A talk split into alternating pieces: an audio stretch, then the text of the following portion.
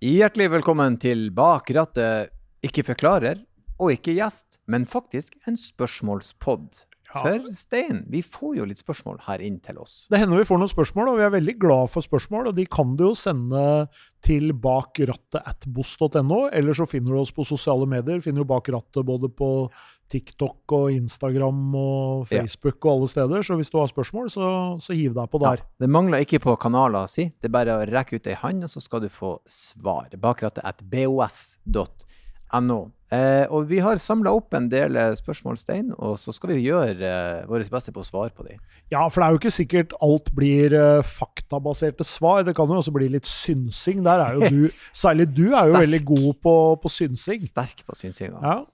Og litt synsing har jo aldri tatt livet av noen. Nei, det, det Eller jeg tror faktisk det har det. Jeg tror det mange ganger har tatt livet av noen. Det kan da umulig være farlig å hoppe ut her. Nei da, det kan det umulig være. Og så alle. det. Jeg syns det ser trygt ut. Ja da. ja da. Jeg tror denne greina holder. Jepp.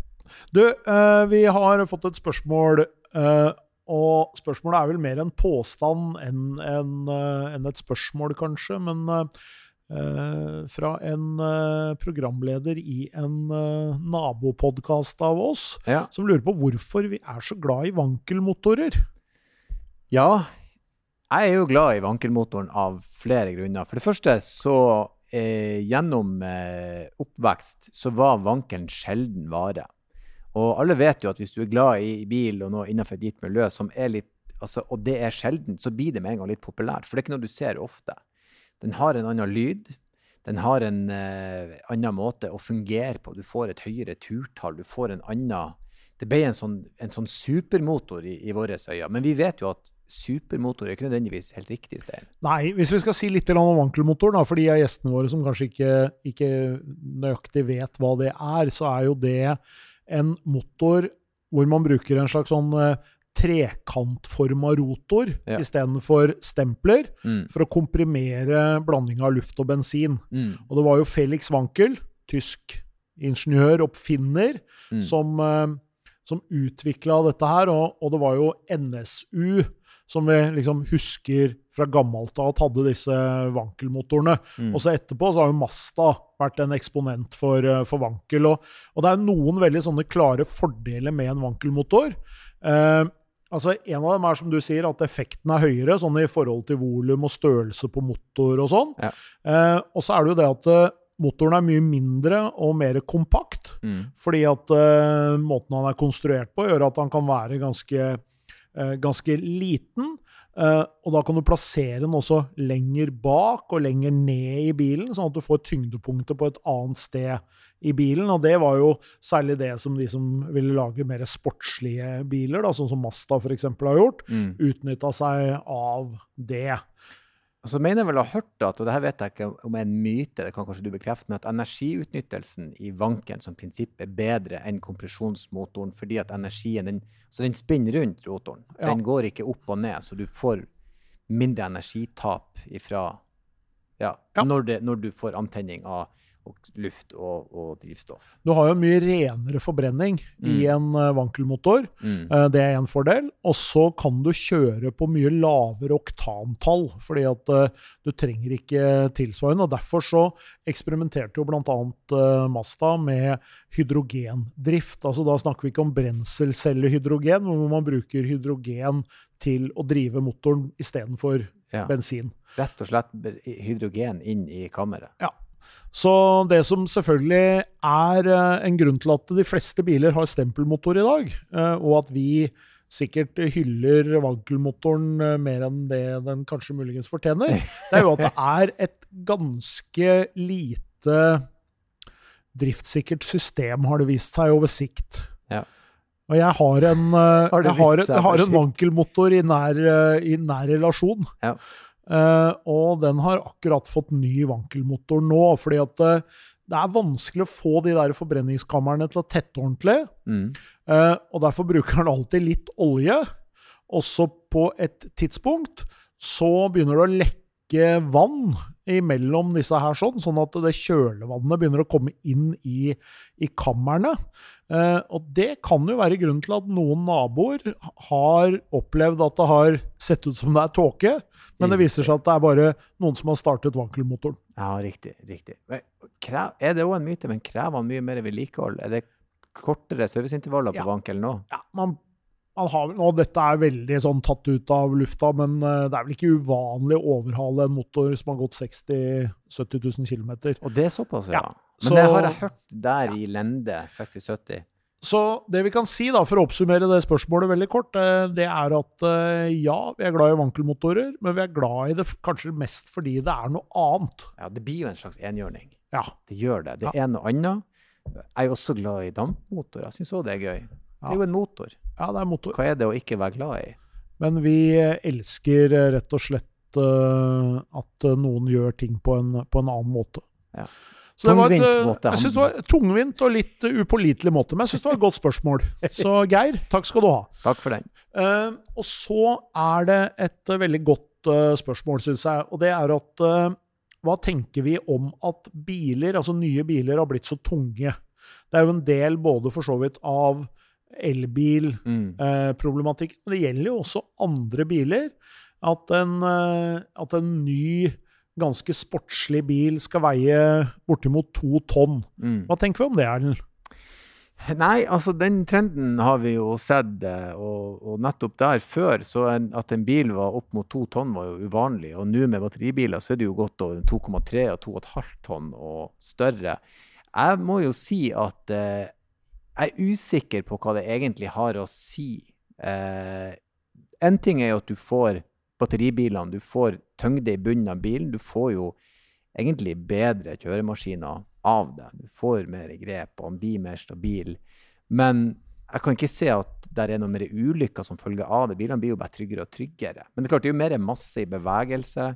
Jeg vet ikke om det har noen betydning. Um, jeg har faktisk ikke reflektert noe særlig over det. Jeg vet ikke om du har gjort deg opp noe mer tanker, du? Jeg tenker nok at uh, det å bygge skal vi si, morsomme, litt sportslige biler som veier to tonn, det er vanskelig. Og det er jo en av grunnene til at uh, også Formel 1 f.eks. Mm. sliter litt nå. Mm. Eh, når Formel 1-biler var på det letteste, så veide jo de rundt 600 kg med fører. Mm.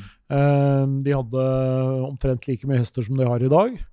Eh, og de var mye mindre.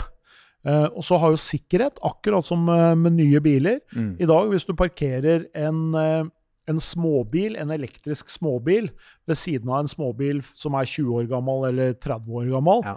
eh, så ser du jo at det har jo skjedd noe helt voldsomt. Jeg har jo en Opel Mokka, som er en B-segment SUV. Mm. Når jeg parkerer den ved siden av en eh, 67, nei, 69 Kadett som jeg har, Mm. eh, så, som jo egentlig er en kompaktbil, for det er jo liksom Astra i dag, Mm. så er jo den Mokkaen bare helt enormt gedigen. Og det er jo fordi at eh, du kan si alle sikkerhetssystemene, deformasjonssoner, alt det du har rundt bilen, det har jo lagt seg på i den kadetten, så er det jo bare ei blekkplate Ja som eh, skiller deg fra den uh, Volvoen som treffer deg i sida. Ja. Så, så i utgangspunktet er det jo til det bedre. Men, Men- men som jeg også sier, du sa det jo, det er vanskelig å lage en liten, artig, sportslig bil. Men jeg syns ikke de lager det heller lenger. Det er jo på en måte et segment med biler som er på tur ut. Ja, det er nok det, men så ser vi at eh, enkelte produsenter, f.eks. Citroën, de har jo nå lansert en konseptbil som de kaller for Ollie, eller All-E. Mm. Og det er en elektrisk bil. Og de sier jo at uh, de skal bygge biler som veier ett tonn, som er billig å produsere, billig å vedlikeholde. Men da kan du antageligvis ikke regne med at du skal kjøre 50-60 mil på en lading. Nettopp. Jeg skulle til å si det, det hørtes ut som de gaper over for mye her. Men klart, du kan ikke kjøre 50 mil hvis det skal være et tonn. Men de Da sier får du mye eh, mindre. de aller fleste de kjører 5-6 mil om dagen. Ja. Sånn at hvis du har en bil som går 40 mil, Mm. så holder det i massevis. Mm. Eh, og bilen er lett, altså er den mer energieffektiv, bruker mindre strøm, og da kan batteriet være mindre.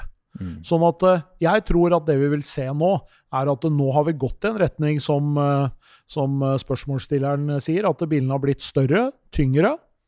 Eh, på et eller annet tidspunkt så kommer dette her til å pendelen svinge litt tilbake igjen. Ja. Tror jeg vi vil få både disse store, tunge luksusbilene med svære batteripakker, og så vil vi få mindre, lettere, smartere bygde biler. Mm. Se på en bil som eh, BMW I3 f.eks. Mm. Veier 1100 kg. Ja. Og Det er jo en elbil, og det er fordi man har brukt lette materialer. Mm. Det samme gjør man nå hos Citroën. Det samme ser vi at mange produsenter gjør. Mm. Og ikke minst når batteriteknologien endrer seg, så vil du få mindre, lettere, kraftigere, mer bærekraftig og alt det her. Vi er jo på en måte i startgropa, så det kan vel forklares litt med det også. Neste gang vi har en biljournalist innom, så skal vi jammen spørre om akkurat det samme. Faktisk. Godt spørsmål. Vi tar det med videre. Har du flere spørsmål? spørsmål til? Ja, jeg har et. Eh, og dette syns jeg var litt artig. Eh, han har bare kalt seg for Freddy T fra Bartebyen. Og han sier at eh, dere stiller alle gjestene spørsmål om eh, hva vil de handle for den berømmelige eurojackpoten. Eh, hvilke bil vil dere sjøl ha valgt? Og eh, jeg skal kaste han rett over til deg, Stein. Du har eh, 967 millioner kroner på bok. Foruten å gi din gode venn og makker Ellen Osnes 100 millioner, hvilken bil kjøpte du da? Det ville være det første jeg gjorde på Vips, og jeg hadde gladelig betalt eh, de eh, 50 millioner Ja, bare for, å, bare for, bare for, å, bare for å liksom se den eh, gå ut av konto. Eh, jeg er jo glad i gamle biler, Mm. sånn at jeg hadde nok ikke løpt etter en sånn eh, moderne supersportsbil i utgangspunktet. Eh, så jeg tror akkurat den uka her så hadde jeg kjøpt en 100% strøken mint condition Citroën SM. Åh. Excellent choice. Den er fin. og hva så med deg, Erlend? Du, jeg hadde gått for en god, gammeldags eh, split frontscreen eh, Volkswagen-buss, men jeg ville hatt med Porsche-motoren og, og ordentlig hjuloppheng og bremser og Altså, han skulle ha sett ut som en real men det skulle ha vært spillernytt eh, under. Det er jo et firma som gjør den slags. Og så skulle jeg hatt eh, surfbrett på taket. Jeg skulle ikke ha surfa en meter, men de skulle ha vært der. All image eh, og eh, godt stereoanlegg. Kunne trekke ut en liten sånn markise, campingstol til meg og fruen. Eh, Sitte og lage litt kaffe på en primus der og kjøre tur med den bilen. Det hadde jeg elska. De er nesten umulig å få tak i. Latterlig dyr. Ikke verdig i det hele tatt. Men gud, jeg hadde elska å eie en sånn en. Syns det var to gode forslag. Det Ja. er bare å google hvis man ikke vet hvordan dette ser ut. Ja, gjør gjerne det. Eh, det er så hyggelig når dere tar dere tida til å sende inn spørsmål og interaktere med oss. Og vi eh, skal fortsette å skupe opp fra eh, innboksen vår eh, spørsmål og besvar de etter beste evne. Så eh, takk for lyttinga, og fortsett å sende spørsmål. Og bare før jeg drar, bak rattet at bos.no, eller Instagram, eller eh, røyksignal, eller brevdue, eller hva enn dere ønsker. Dere får tak i oss hvis dere vil. Ha det bra.